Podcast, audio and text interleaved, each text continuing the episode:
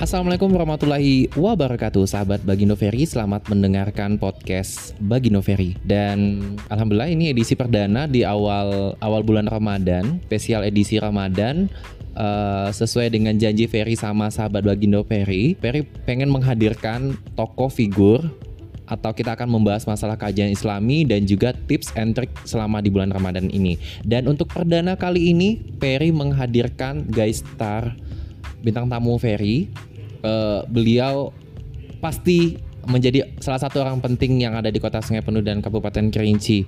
Baik, kita langsung saja bertegur sapa dengan beliau. Selamat siang, Mas Ferry. Iya, assalamualaikum Bapak.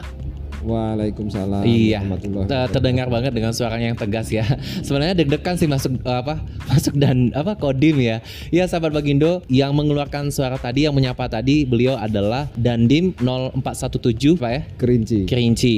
Ya. Baik, sudah berapa lama di sini Pak? Saya jalan 4 bulan. Masih baru ya Pak ya? Ya masuk bulan keempat ini bulan April. Oke, berarti udah kenal dari kerinci dari hulu ke hilir, Pak? Sudah, alhamdulillah. Iya, dari air terjun Telun Berasap sampai perbatasan ya, uh, di Moremat ya, Pak ya? ya. Sudah ya, Pak. Sebelumnya sudah pernah sering sudah pernah ke Kerinci, Pak? Sebelumnya saya sudah pernah ke Kerinci pada saat saya berdinas di Jambi di Batalion Infanteri Raider 142 Ksatria Jaya. Hmm? Ada dulu pernah tugas ke Kerinci. Ke Kerinci. Pada saat kebakaran pasar di Sungai Penuh tahun 2018. Dan waktu itu ibu dibawa pak? Belum ya? Dulu saya bawa pasukan satu kompi hmm. untuk membantu penanganan evakuasi korban kebakaran. Oke, berarti belum kayak sekarang belum sah banget jadi warga Kerinci dan Sungai Penuh ya Pak ya? Ya, itu iya. masih tugas tugas DKO saja ke Kodim waktu itu. Oke, tak kenal maka tak sayang. Silakan Bapak, mohon izin untuk memperkenalkan dirinya Bapak. Baik, nama saya Iksanuddin, pangkat Letnan Kolonel Infanteri. Saya alumni Akademi Militer tahun 2002. Berdinas sudah lebih kurang eh, 19 tahun. Mulai dari Pama di Aceh kemudian eh, saya pindah ke Bandung sempat di Secapa Angkatan Darat kemudian pindah ke Mabesat melaksanakan dikrek Sesko Angkatan Darat di Bandung kemudian pindah ke Palembang. Palembang pada tahun 2017 selama satu tahun pindah ke Jambi di awal tahun 2018 sampai 2020 setelah itu 2020 akhir tanggal 17 Desember saya pindah ke Kodim Kerinci ini Mas Ferry. Kodim Kerinci ya Pak lah. Uh, luar biasa perjalanannya selama 19 tahun itu ya Pak ya. Ya keliling-keliling. keliling-keliling. Dari Aceh pernah ke Papua pernah ke perbatasan Indonesia dengan Timor Leste juga pernah. Luar biasa. Oke, jadi TNI, cita-citakah atau permintaan orang tua? Karena gini Bapak, Bapak alhamdulillah salah satu klien terbaiknya Ferry ini, cerdas, intuiting. Cita-citakah TNI atau permintaan dari orang tua? TNI ini panggilan jiwa, Mas. Masya Allah, tabarakallah. Ya. Merinding saya ini, Pak. Oke. okay. Jadi kita menjadi TNI itu memang dari kecil kita melihat sosok-sosok yang kita idolakan. Bagaimana kita untuk bisa mengabdikan diri kepada negara dan bangsa? Secara dunia kita dapat kemudian secara akhiratnya kita ingin mengabdi dalam rangka membela tanah air gitu mas. Masya Allah Oke pengalaman menarik nih Pak menjadi TNI selama menjadi TNI sampai dengan saat ini ya Pengalaman yang paling menarik? Pengalaman saya waktu operasi masih pangkat Pama waktu itu pangkat letnan.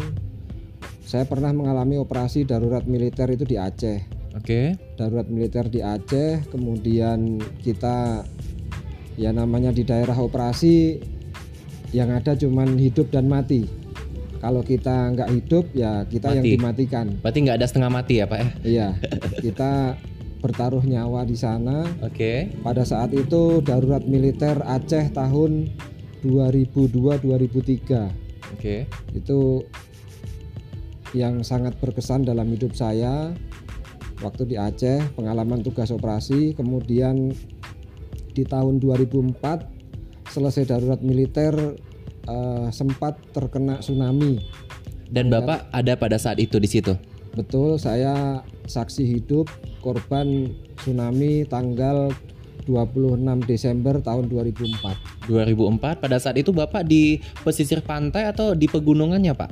Saya berada di belakang masjid raya di tempatnya orang tua angkat saya. Hmm. waktu itu hari Minggu uh, saya pikir uh, sudah kiamat waktu itu. Yang bapak bayangkan. Iya karena air yang begitu kencang setinggi pohon kelapa dan kalau mau, mau lari tidak mungkin okay. lagi. Luar biasa. Itu pengalaman yang paling bapak ingat sampai saat ini? Iya itu di terkenang di hidup saya. Saya terkena tsunami sampai hilang kontak lebih kurang satu minggu. Dengan dengan keluarga dan dengan, dengan letting-letting saya semua saya okay. sudah diyasinkan sama kawan saya masya allah jadi okay. selama satu minggu hilang kontak di situ nggak ada yang bisa dihubungi karena yang saya bawa cuman celana pendek satu sama kaos satu selama satu minggu iya akhirnya bisa bertemu dengan Bapak Iksan itu gimana ceritanya? Uh, setelah kejadian, jadi saya ceritanya ngungsi ke kampung. Di kampung itu tidak ada yang kenal dan HP waktu itu padam, tidak ada kontak sama sekali. Okay. Kemudian setelah tenang karena dua hari pasca tsunami itu saya sendiri juga sempat trauma. Uh, artinya mau ke tempat kejadian itu kita masih takut ada gempa tuh kayak ada trauma. Kemudian saya ke Koramil terdekat. Oke. Okay. Saya laporan bahwa saya pangkat ini, NRP saya ini saya selamat. Di situlah baru ketahuan bahwa saya selamat. Dan baru diberitahu sama keluarga juga pada saat itu. Betul. Baru kontak ke keluarga di Jawa termasuk ke istri saya yang sekarang okay. dulu lost oh, kontak juga. Istri yang sekarang ya pak ya, ya? bukan yang dulu ya. Bu Lulu mohon maaf. okay. Kalau di kampung itu sudah tidak okay. bisa di rumah satu minggu, sudah okay. dipikir sudah hilang. Okay. Oh waktu itu bapak sudah berkeluarga juga? Belum, saya masih bujangan. Belum, masih bujangan. Iya. Oke bapak uh, kembali ke kota Sungai Penuh dan Kerinci. Ditempatkan di Sungai Penuh Kerinci, bagaimana perasaan bapak? Apakah di sini banyak konflik atau oh orangnya biasa aja? Gitu. dan ini tengah hutan. Enggak lah Timika lebih lebih hutan lagi gitu. Gimana ya. sungai penuh dan Kabupaten Kerinci bagi saya ini tempat yang sangat istimewa dalam tugas saya. Why? Karena saya pernah mengalami dinas di tempat yang lebih lebih ekstrim Susah lagi dari Le ini. Oke, okay, lebih ya. pedalaman lagi ya. Saya Kalau ini masih kota ya. ditugaskan di perbatasan Atambua Timor Leste. Oke. Okay. RIRDTL yang mana di sana sangat kering sekali. Tidak ada air, kita mau mandi saja susah di pos-pos perbatasan. Oke. Okay. Dengan keterbatasan dan kalau saya di Sungai Penuh ini ini sudah sangat kota sekali bagi saya bagi Bapak ya. Iya, betul. Oke, hal menarik bagi Bapak hadirnya di Kota Sungai Penuh dan di Kabupaten Kerinci. Pertama kali saya masuk Kerinci kemarin pada saat diterima di sini saya sangat terharu sekali. Orangnya ramah-ramah. Ramah-ramah ya, Pak ya. Mereka welcome dengan kita dan ya tegur sapanya itu. Mereka uh, mohon maaf ini dengan tanda kutip tidak hanya timnya bapak ya tidak. tapi warga dengan, warga kota Sungai Penuh dan Kabupaten Kerincinya ya. Betul dengan warga Sungai Penuh maupun Kabupaten Kerinci semuanya mereka menyambut dengan hangat sangat menerima kehadiran saya berada di sini. Masya Allah. Ya mudah-mudahan uh, dengan Bapak hadir di podcast Bagi Noveri banyak listener yang mengenal dan mendengar dan tentunya pengen kepoin Bapak boleh ya Pak bersilaturahmi ya ketemu Bapak Iksan sama Bu Lulu boleh ya? Boleh. Alhamdulillah. Boleh. Oke Pak. Aktivitas selain uh, menjadi dandim 0417 Kerinci apa aja nih Pak selain menjadi dandim? Punya bisnis kah atau berkebun? Kalau aktivitas saya selain di TNI, saya aktif di Perbakin Jambi, Mas Ferry. Perbankin. Okay. Perbakin, saya sebagai kepala sub bagian tembak sasaran. Okay. Saya sebagai kasub di Perbakin Provinsi Jambi. Oke. Okay. Itu sebagai penyaluran hobi karena kita biasa menembak jadi Berarti pakar di bidang tembak menembak ya, Pak ya? Uh, insya Allah. Masya Allah, tabarkal. Jadi di situ saya ikut membina perbakin di Provinsi Jambi. Iya, saya juga melihat aktivitas Bapak, Bapak juga hobi di bas apa? Tenis ya?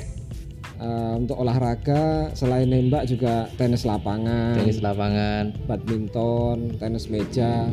Untuk mengisi waktu di sela-sela kejenuhan mungkin pas hari Sabtu Minggu tidak okay. berdinas, kita isi dengan olahraga yang positif, Mas Ferry.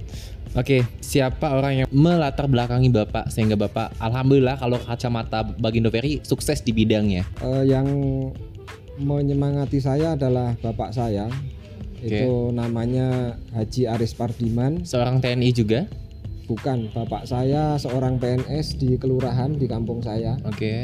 Nah, beliau selalu memberikan uh, semangat kepada saya bahwa slogan beliau itu orang lain makan nasi bisa. Kenapa kita makan nasi kita tidak bisa? Itu yang menjadi penyemangat saya. Sehingga kalau orang lain mampu ya saya harus mampu juga.